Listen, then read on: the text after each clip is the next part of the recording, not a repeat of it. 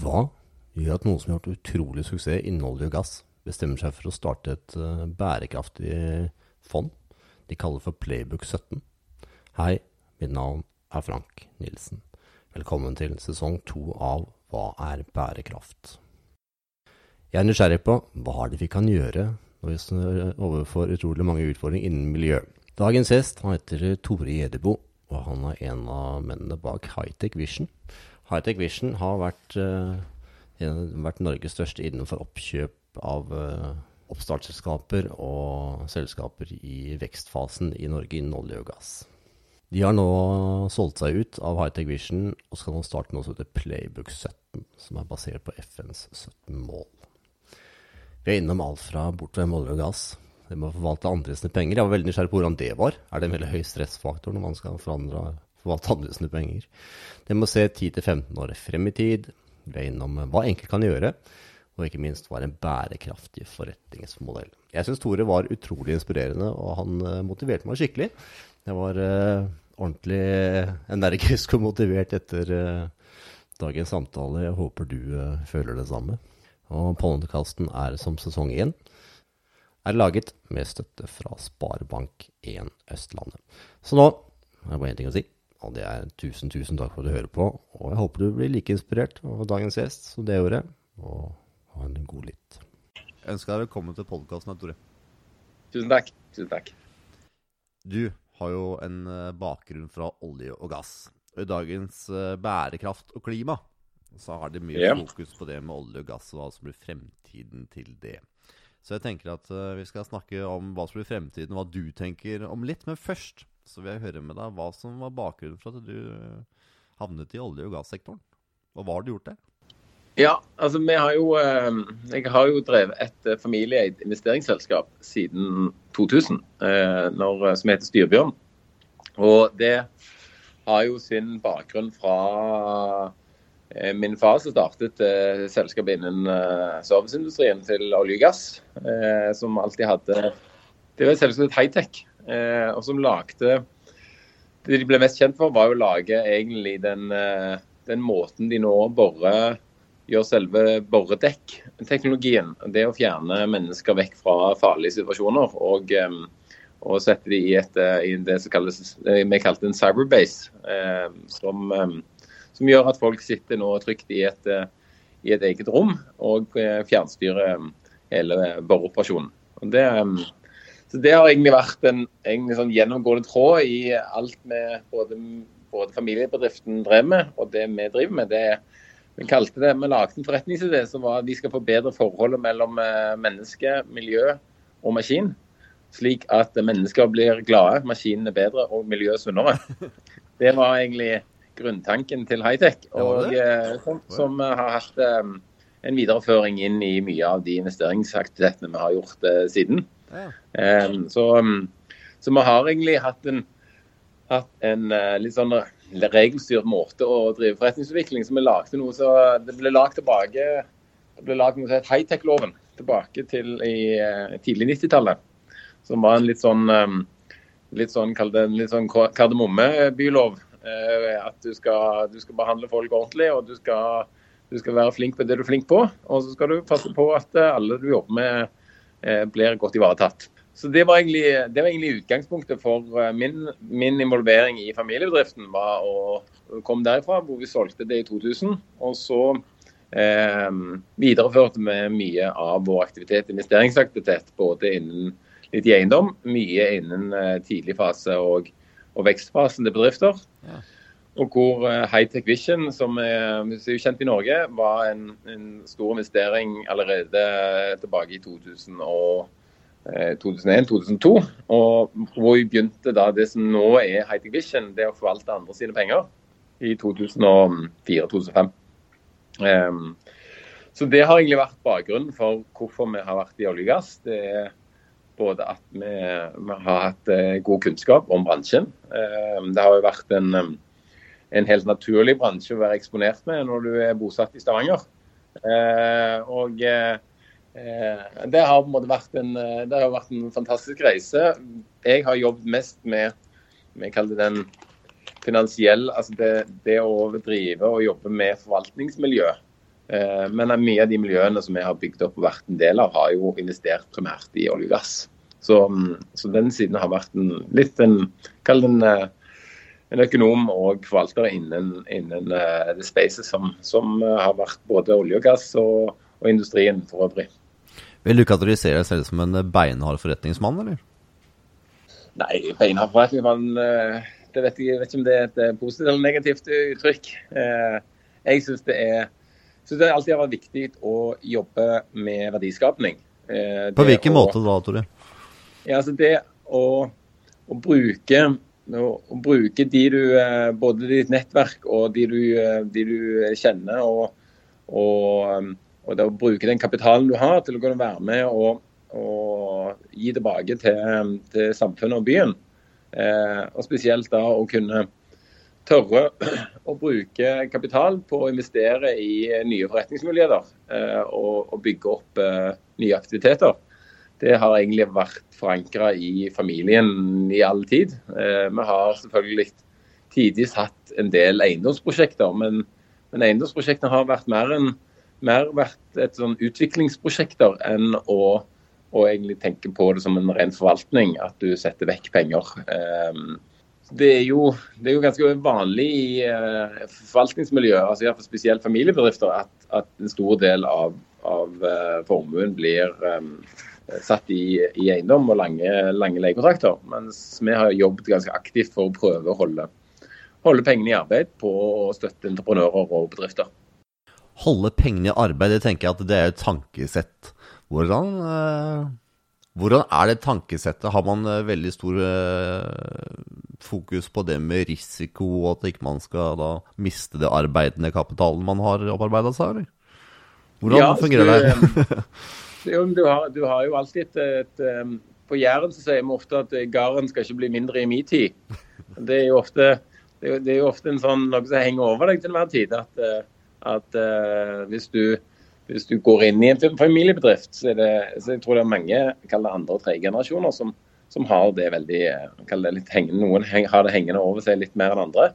Um, og det er ofte en, eh, det er ofte en begrensende element Eh, når det kommer til å bygge og utvikle og holde et familieselskap i arbeid, det at du, frykten for tap er, er større enn en, en, eh, driven til å skape noe nytt og bygge noe videre. Eh, og Der, der føler jo jeg at jeg har fått utrolig støtte fra, fra mine foreldre til å, til å kunne både eh, å lære av deres, spesielt min fars kunnskap på det å å, være med å støtte entreprenører og kunne være med å bygge selskaper. Og vi har alltid hatt en høy risikotoleranse i, i familien til å, til å, starte nye ting og, og, gjøre spennende muligheter. Alt fra industripark i eh, Kina til magnetfabrikk i Kina til, til offshoreprosjekter, eiendomsutviklingsprosjekter og, og, og lignende. Så, så, det har vært um, en kjekk reise i 20 år.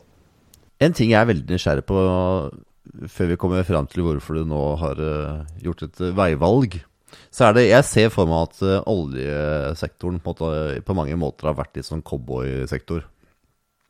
Har det det, eller?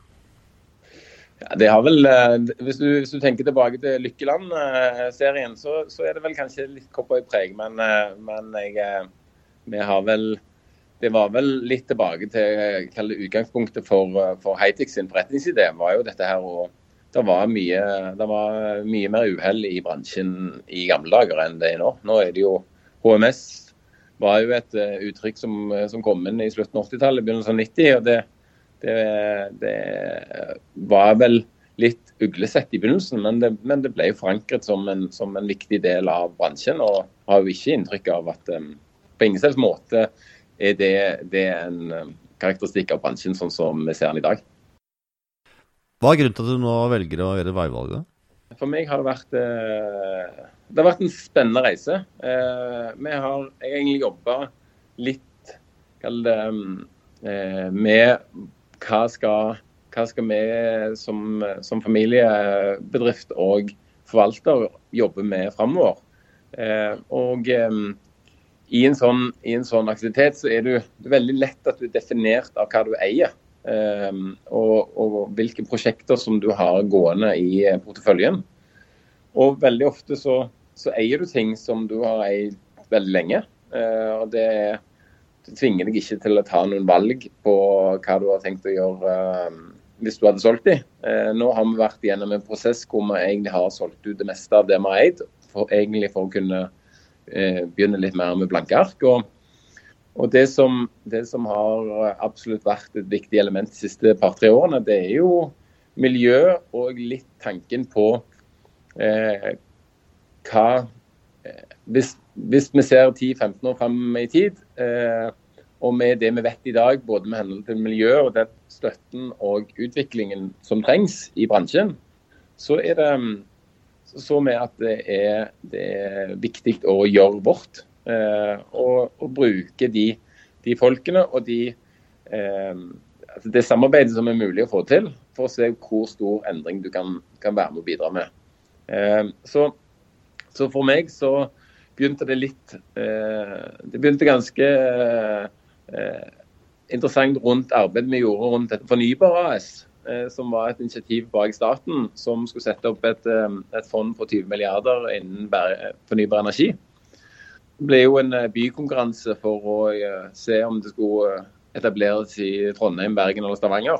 Der følte iallfall jeg at det var viktig å få det til Stavanger, fordi vi har en tradisjon for å jobbe med aktiv kapital. og, og jobbe både for at Stavanger skulle få den, for å være med og styrke miljøet her. Og i tillegg se på hvordan kan du bygge opp et nytt system som av staten, til å være profesjonelt og bra. Når har det kommet i gang, Tore? Det er vel, det, Tiden går vel litt raskt nå. så Det er vel kanskje et par-tre år siden eh, vi begynte, begynte, med det. Og det som ble, det som kanskje for meg har alltid sett på som en bransje som ikke var eh, lønnsom, eh, ble ganske synlig at Eh, det er betydelig lønnsomhet i den hvis du gjør det ordentlig. Eh, og eh, i tillegg så, så begynte vi å teste vårt eget nettverk. Hvor enkelt er det å få tak i folk som kan være med og bidra, og kan være med og støtte. Og det, det var noe litt sånn oppdagelse for meg. Det var å finne ut Hvis du faktisk har et viktig formål og har et godt budskap, så er det utrolig hvor mange folk som tar opp telefonen når du ringer, og hvor mange som ønsker å være med og bidra. Eh, det merket vi veldig støtte lokalt og nasjonalt. Eh, og når vi i tillegg gikk internasjonalt for å, for å få støtte til å hjelpe staten i å kunne være med og bidra til å, til å få fornybar til å bli et bra prosjekt, så fikk vi betydelig støtte internasjonalt òg. Gjorde det? Eh, ja, og det og det som, det som da, når den kom til byen, eh, så, så, hadde vi så hadde jeg et valg. Og det var om skal vi fortsette å jobbe med fornybar eh, og bygge opp eh, Nysnø til det det har blitt og det det kan bli. Eller har vi lyst til å sette i gang et eget initiativ som kan være en, en ny til, tilfang til regionen, og hvor vi kan være mer instrumentell, både med, med, mandat og hva vi ønsker å få til. Og det, Da valgte vi det siste.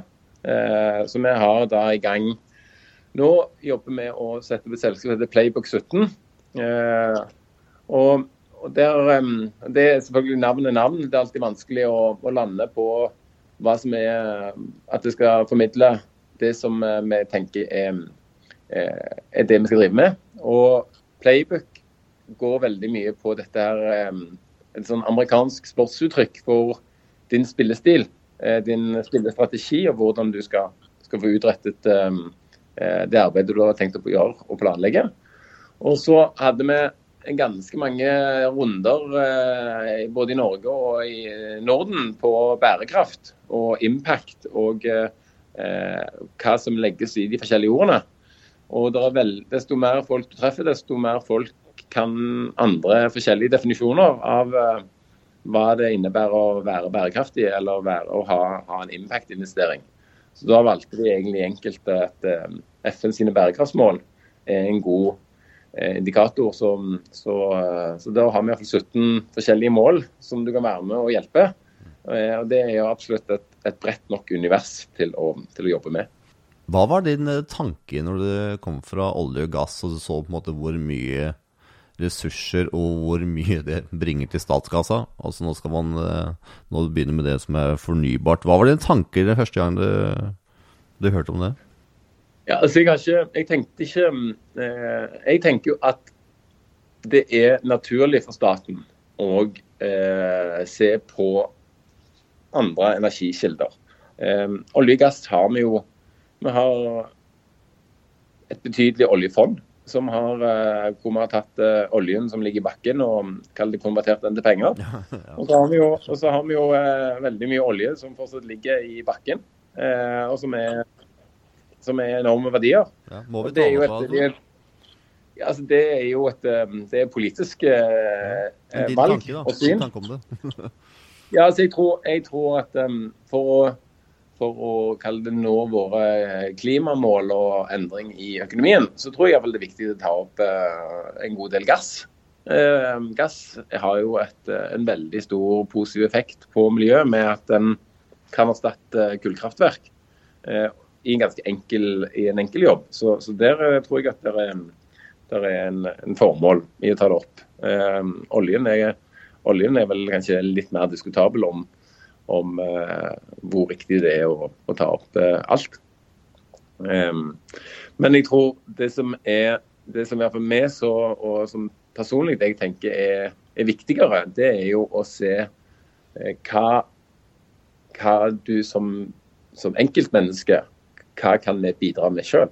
Um, og nå har jeg jo jeg har fått tenåringer i huset som både er opptatt av miljø, I tillegg så, så merket jeg selv også at når jeg, eh, når jeg, begynte å tenke på hva jeg hadde lyst til å jobbe med framover, så, så, var det veldig naturlig å jobbe med å bruke min kompetanse og mitt nettverk til å prøve å sette bærekraftige investeringer på dagsorden. Og vise at det går an å investere i det med, med både god lønnsomhet og med et godt bidrag til, eh, til hvordan du kan utvikle selskaper.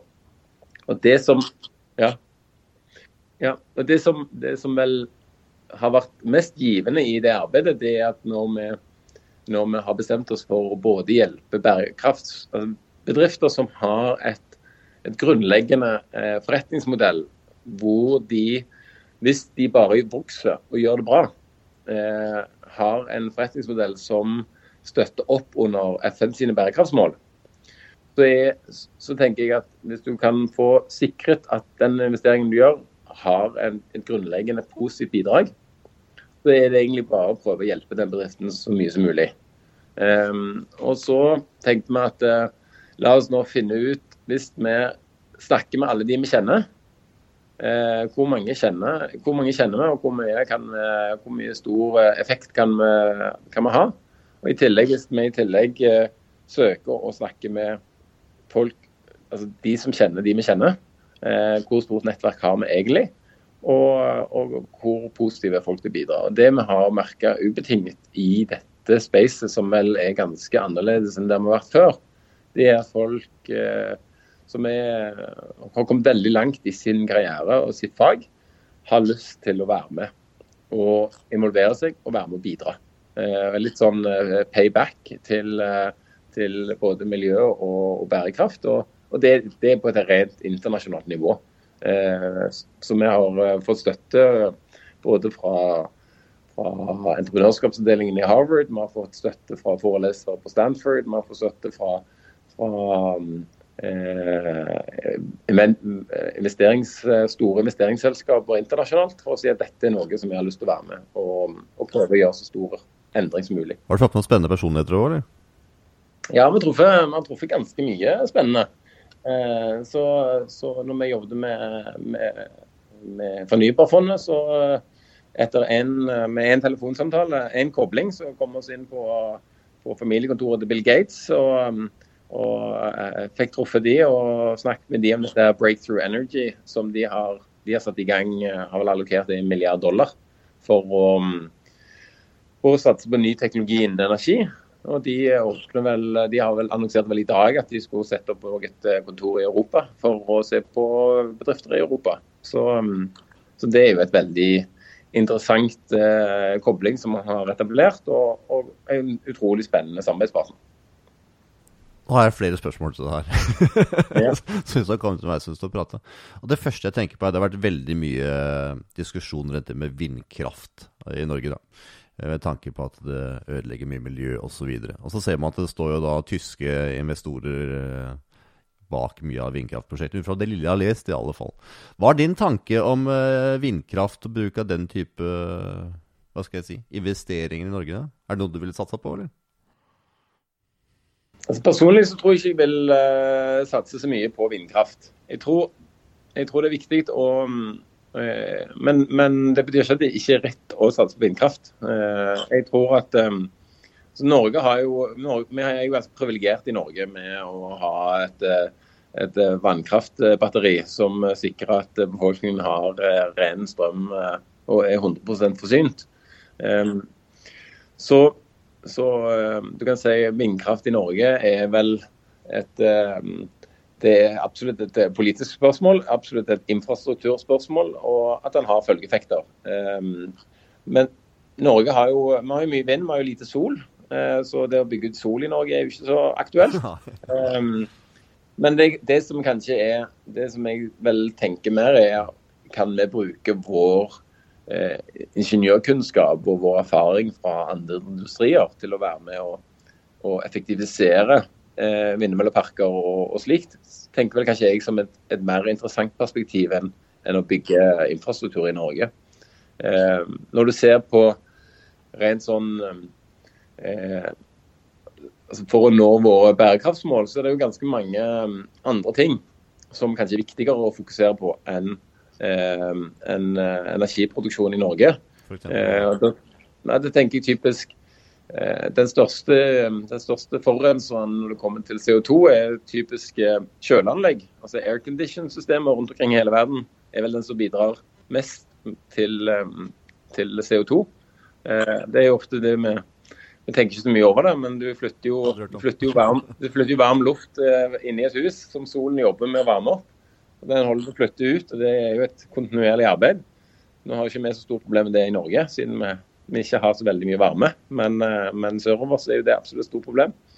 Da har vi et um, stort problem med, med at uh, det er så mye matproduksjon som vi lager mat som blir kastet. det er jo viktige, viktige ting å tenke på.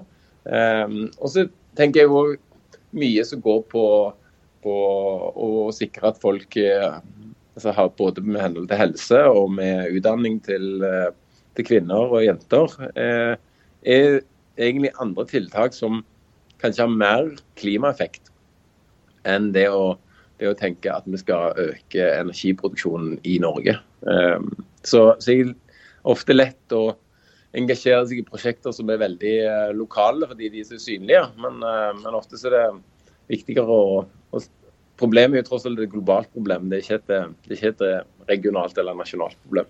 Hva tenker du om den plastproblematikken vi står overfor?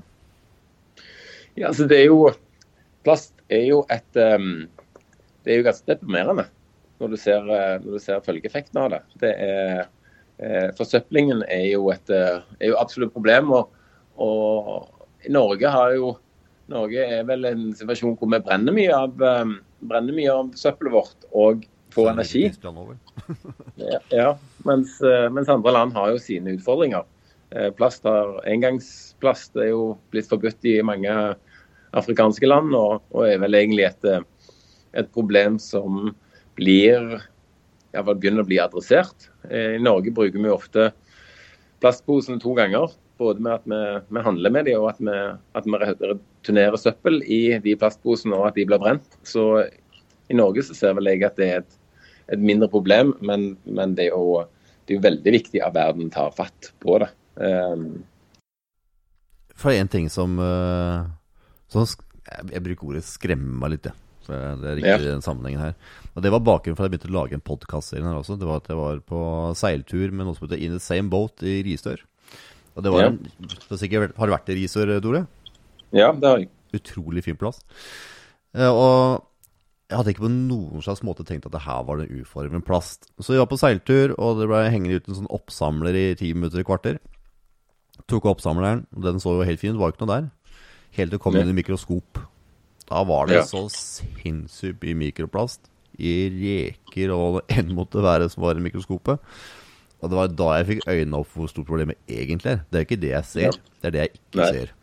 Og vi ser nå at nå har på en måte mikroplast kommet inn i næringssiden, som gjør at nå universitetene åpner egne forskningsinstitusjoner for mikroplast. Og vi har sett det at eh, tøy er noe av det som gir mest mikroplast, ut fra hva jeg har lest i alle fall. Og da blir det sånn Ja, vi kan også stoppe engangsbestikk og bestikk og i plast og sånn, men det, det største utfordringa er jo faktisk i tøy. Ja. Så er det hvordan Vi mennesker vi er veldig flinke til å gjøre noe med det vi ser, men vi har store ufoer med å gjøre noe, med det vi ikke ser. Så hva, hva er din tanke om mikroplast, da, hvis det er noe du i hele tatt har hatt tid til å tenke noe på? Ja, altså et av, et av eh, FN sine eh, bærekraftsmål er jo eh, life in, life in the ocean, uh, life in water. Og, og det, er- det er jo um, uh, Det er jo litt som du beskriver, det er jo nesten, oppleves nesten som et sånn umulig problem. Uh, fordi det er, det er så omfattende, og spesielt når du ser at det er, at det er usynlig for, det, for, for det blotte øyet. Um, jeg tenker jo at em, det er vel kanskje et av de områdene i fall, som vi som privatpersoner kan faktisk ta eh, Der kan vi jo ta egne valg. Eh, F.eks. Det er vel det er vel et par år, par-tre år siden når, når det ble ganske synlig at eh, alle sånne fleecejakker og sånne ting at det, at det er typisk noe som, du, som vi slutter å kjøpe. Eh, og det er helt klart noe som jeg Jeg har vel òg sett programmer hvor du ser eh, innkjør har blitt fjernet pga. bomullproduksjon. Eh, og, og dette her med, med litt sånn kjøp og kast og, og bruk-mentalitet er jo eh, absolutt noe som er, som er noe som du er bevisst på. Men det er jo ganske vanskelig å, å likevel hele veien tenke at, um, at du ikke skal kjøpe noe nytt. At, du ikke, at du ikke trenger den, de, en ny jumper eller en ny bukse. Men, men, men jeg har vel personlig så har jeg i hvert fall begynt å og i hvert fall fikse de, eh, fikse de klærne som lett kan fikses, istedenfor at du eh, eh, at du hele veien må bare kaste det og kjøpe noe nytt. Men, eh, men jeg tror det er det er jo vanskelig å være å gjøre alt rett hele veien. Eh, så jeg tror jeg, jeg, ja, for jeg har jo litt, jeg har jo litt tro på dette med Når vi tenker på bærekraft, så er det jo veldig Det er litt sånn Det er så stort det er et så stort problem når du begynner å lese deg opp på alle problemene. At det er jo litt lett å bli, bli litt sånn at altså Folk blir metta. At du ikke, at du ikke orker å gjøre, forholde seg til det. Og Der tenker jeg at jeg, jeg tror det, det kan skje ganske mye hvis du, hvis du greier å få folk til å bare tenke litt annerledes. Um, fordi eh, du kan si at, at vi har jo, eh, det har jo blitt tidlig snakket om f.eks. å ha en sånn kjøttfri mandag. Um, det er jo enkleste måten å gjøre en syvendedel av befolkningen eh, vegetarianere på. Det er jo at alle er vegetarianere en dag. Eh, og selvfølgelig litt òg den diskusjonen på, på elbiler eh, og de fordelene vi har på elbiler. Det er en del som har kjøpt de for miljøet, og så en del som har kjøpt de fordi det er mange fordeler. Jeg tror jo at hvis du får Hvis du kjøper noe som har en miljøfordel, så tror jeg at du litt mentalt endre litt perspektiv. Iallfall en god del endrer litt. Eh, og Det gjør kanskje at neste gang du kjøper et produkt, så har du kanskje tenkt på det litt mer enn du hadde gjort eh, uten. Og den bevisst, Det å ha litt sånn marginale endringer hos, hos folk flest, gjør nok at eh, samfunnet snur raskere enn du eh, tidligere hadde fryktet.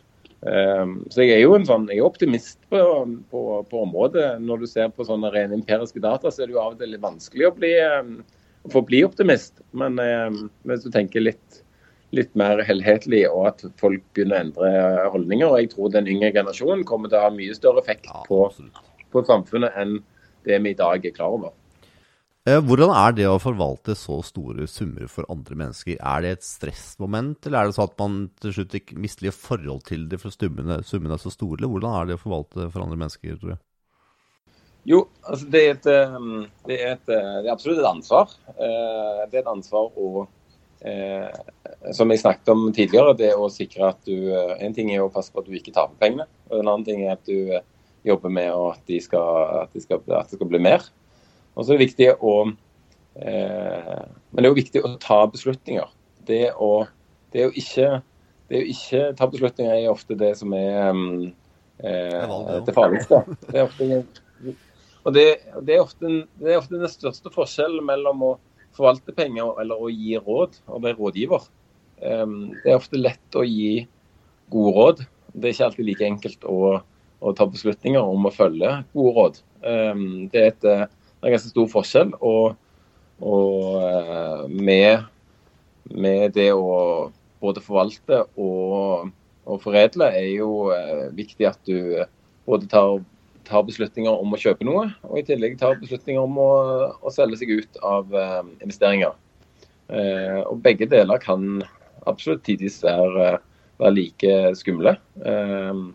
Fordi eh, det, når du selger noe, så, du, så må du òg påse at du skal kjøpe noe nytt som skal, skal, gjøre minst like bra som det du allerede har eid.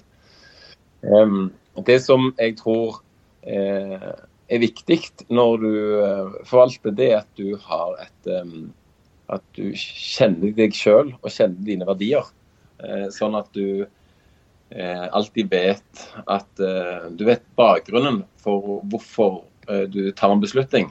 Eh, for hvis du, hvis du, ikke helt vet hvorfor du kjøpte noe, så er det òg veldig vanskelig å vite når du skal selge det. Eh, og der Ja, altså hvis du hvis du, hvis du, hvis du kjøper noe og det sier det dobler seg i verdi, da, mm. så kan jo det være veldig bra. eller det er alltid bra når det dobler seg i verdi.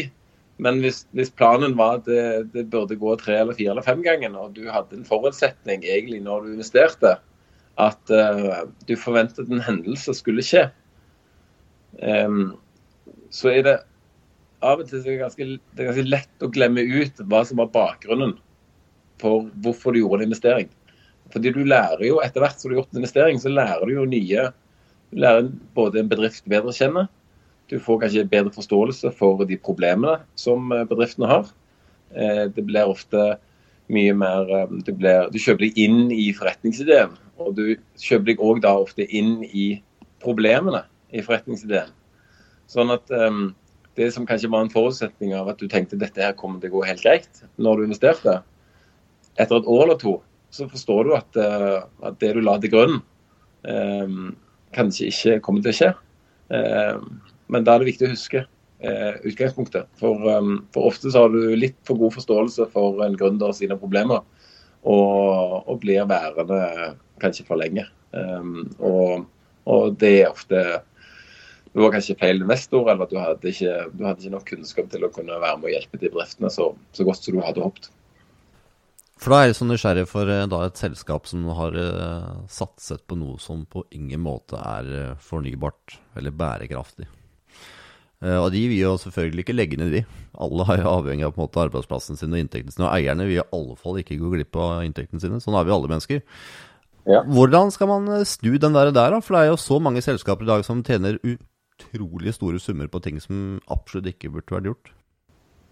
Ja, eh, og det er Der har jo i hvert fall jeg et Jeg har ikke et behov for å få for å fortelle folk at de skal gjøre noe annerledes. Det mener jeg at jeg mener at folk skal de, Tross alt så er vi jo forskjellige mennesker og har forskjellige verdier og forskjellige meninger om det meste.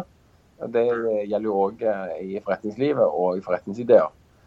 Det som, det som jeg har tenkt eh, jeg kan gjøre noe med, det er at jeg kan, jeg kan prøve å bygge et så godt investeringsmiljø og et så godt selskap med så flinke folk eh, at jeg jeg har et grunnleggende mål om, om å gi bærekraftsbedrifter et urettferdig konkurransefortrinn med å få tilgang til kapital og kompetanse som ikke vil være tilgjengelig for bedrifter som ikke er bærekraftige.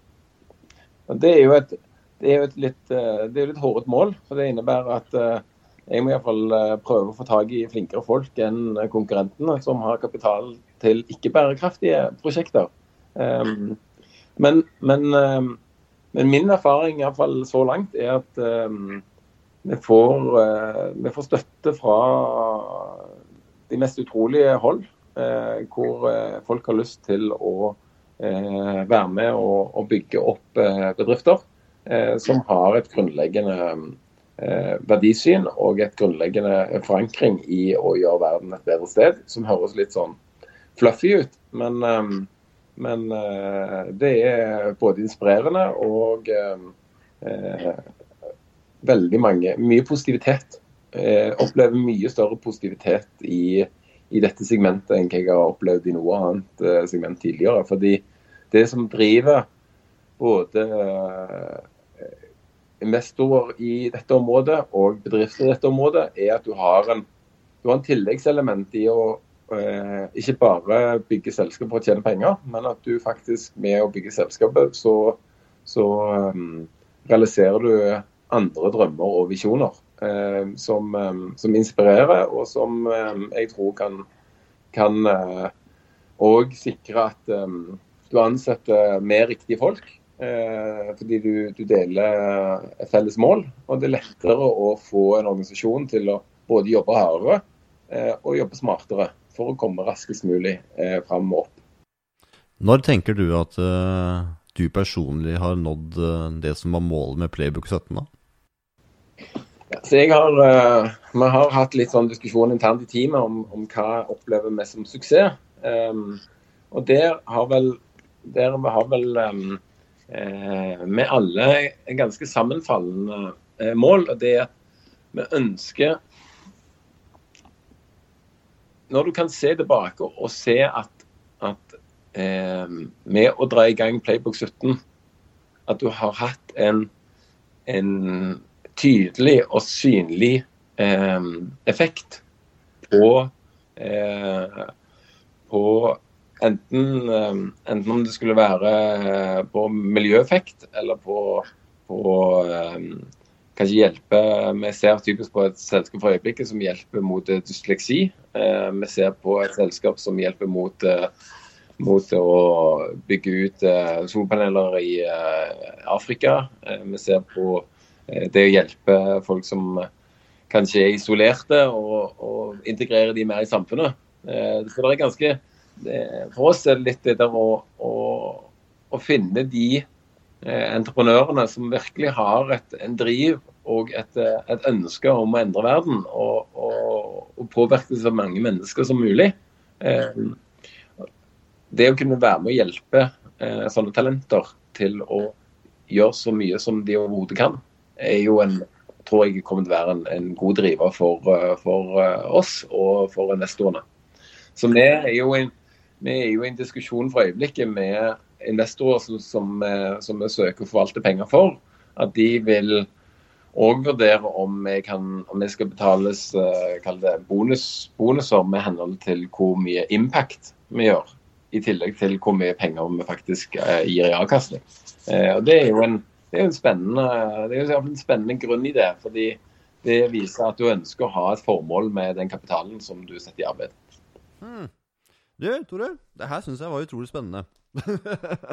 og jeg, jeg, liker, jeg, liker, veldig godt tanken bak det. Jeg anser meg selv som en uh, forholdsvis stor idealist.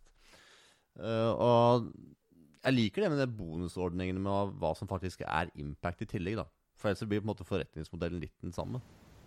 Ja, fordi, fordi det er litt det, og, og, det er litt det som Det er litt viktig at det heller aldri forlater eh, initiativet. Det er, det er det, vi, har, vi har både lagd et Vi har vel kalt det et manifest, men altså et, et, et, et grunnleggende Eh, et utvidet eh, forretningsformål. At, eh, at du skal du skal ha, sette synlige, synlige spor og kunne være med og, og, mobilisere mest mulig kapital til å gjøre godt.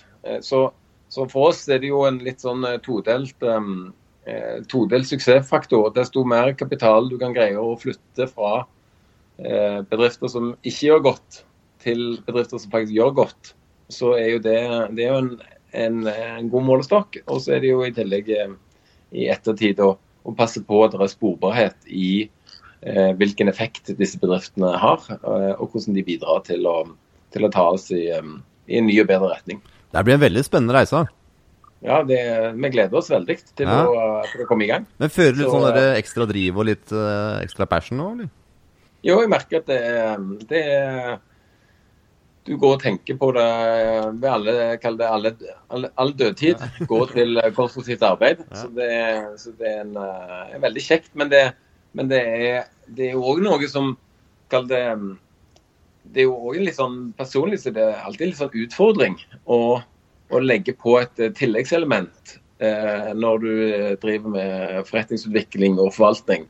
For det jeg har, på en måte ikke et ønske om å, å komme med noen pekefingre. Jeg ønsker ikke å, å si at andre folk gjør noe galt. Eh, det, er at, eh, det er heller det å snakke om hva som er, hva som er viktig for meg, og hva som er viktig for, for selskapet. Og så, og så tenker jeg at de som er enig, ja, de, de kan jo heie, og de andre de kan, de kan gjøre det de gjør. Um, og så har jeg et, har lønnlig håp om at jeg tror med eh, Desto raskere, desto bedre er det at eh, flere begynner å, å sette litt tilleggskrav på, på, på kapitalen. Og jeg tror òg at, at um, vi begynner jo òg å se litt sånn litt føringer fra banker på, på eh, om de skal gi lån til selskaper som kanskje forurenser, eller hvis de har en forretnings, forretningsmodell som ikke er like som kall det er, er, absolutt ikke bærekraftig.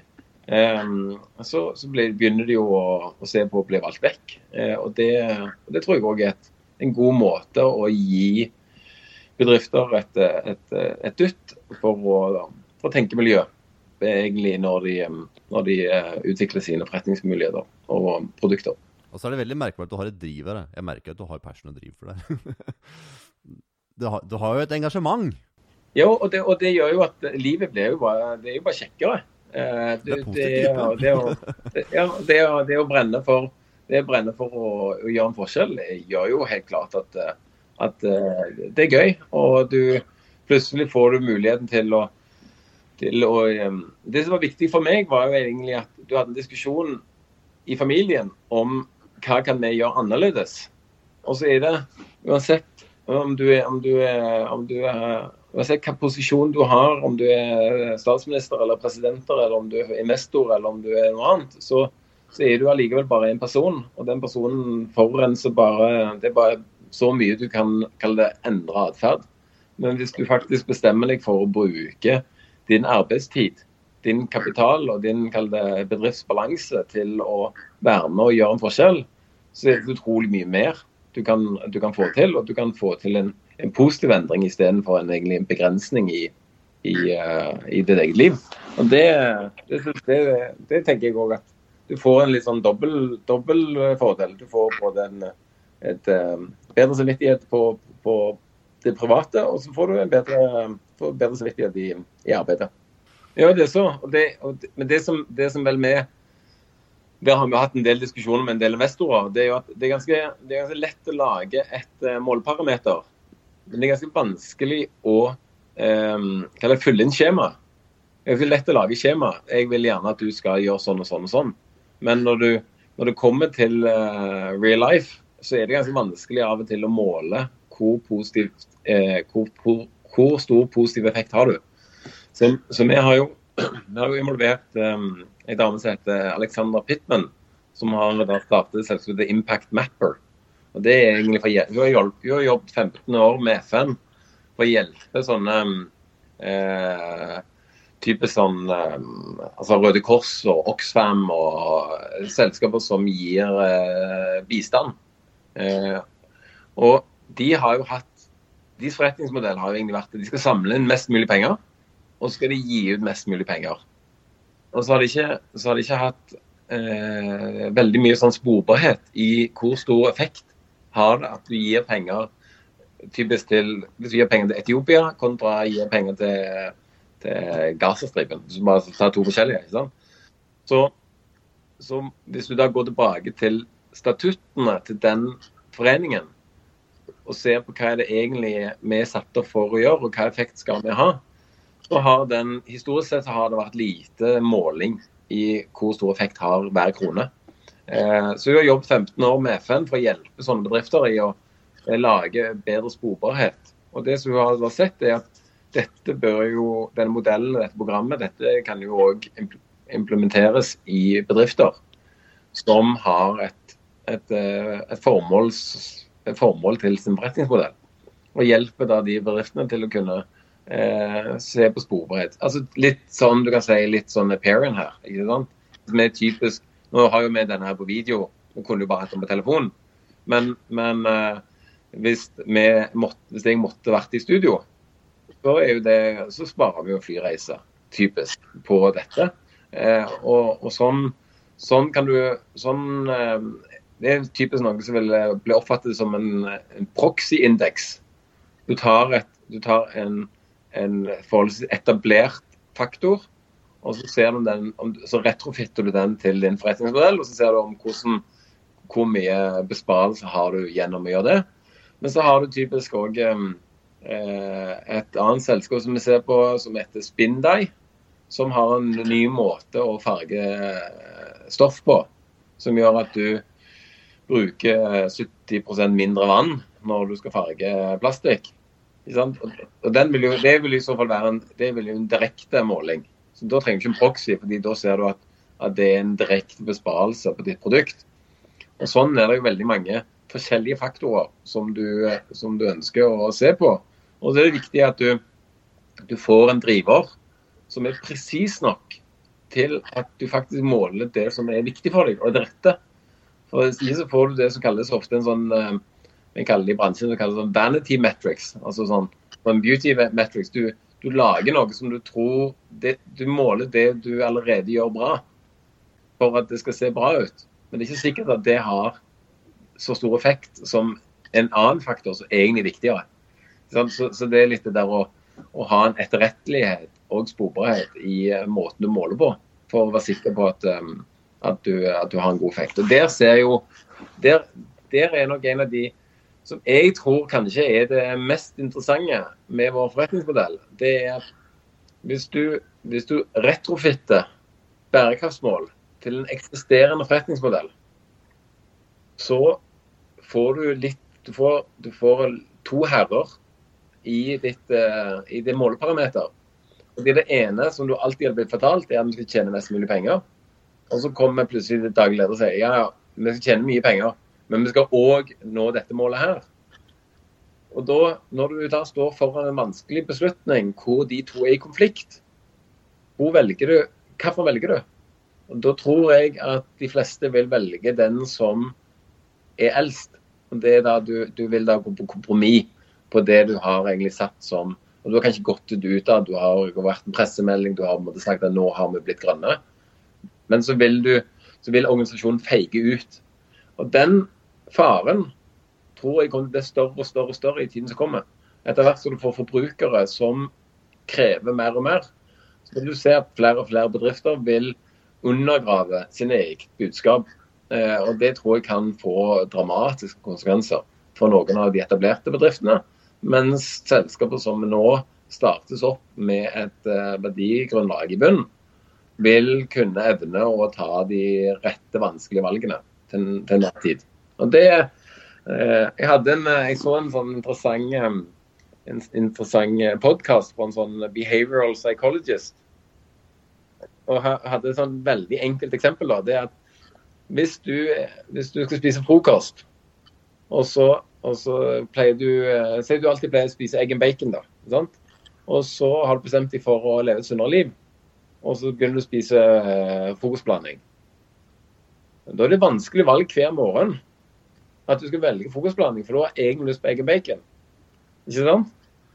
Men hvis du har vokst opp som en person som egentlig foretrekker eh, frokostblanding, så, så må du faktisk gjøre et aktivt vondt valg for å velge egg og bacon.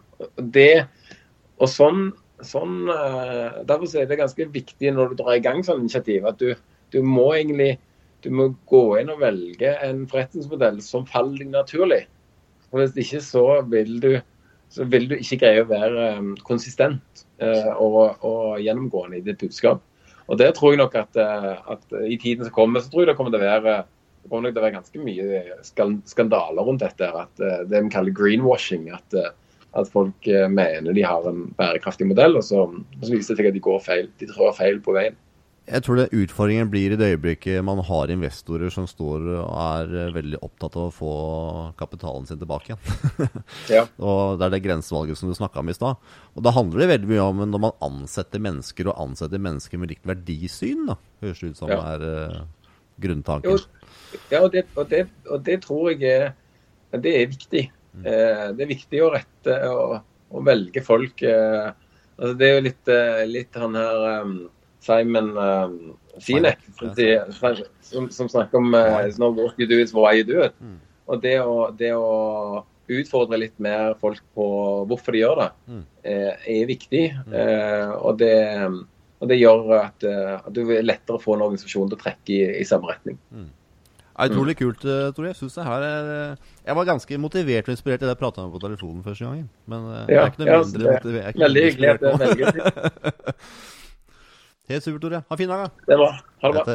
Ha det.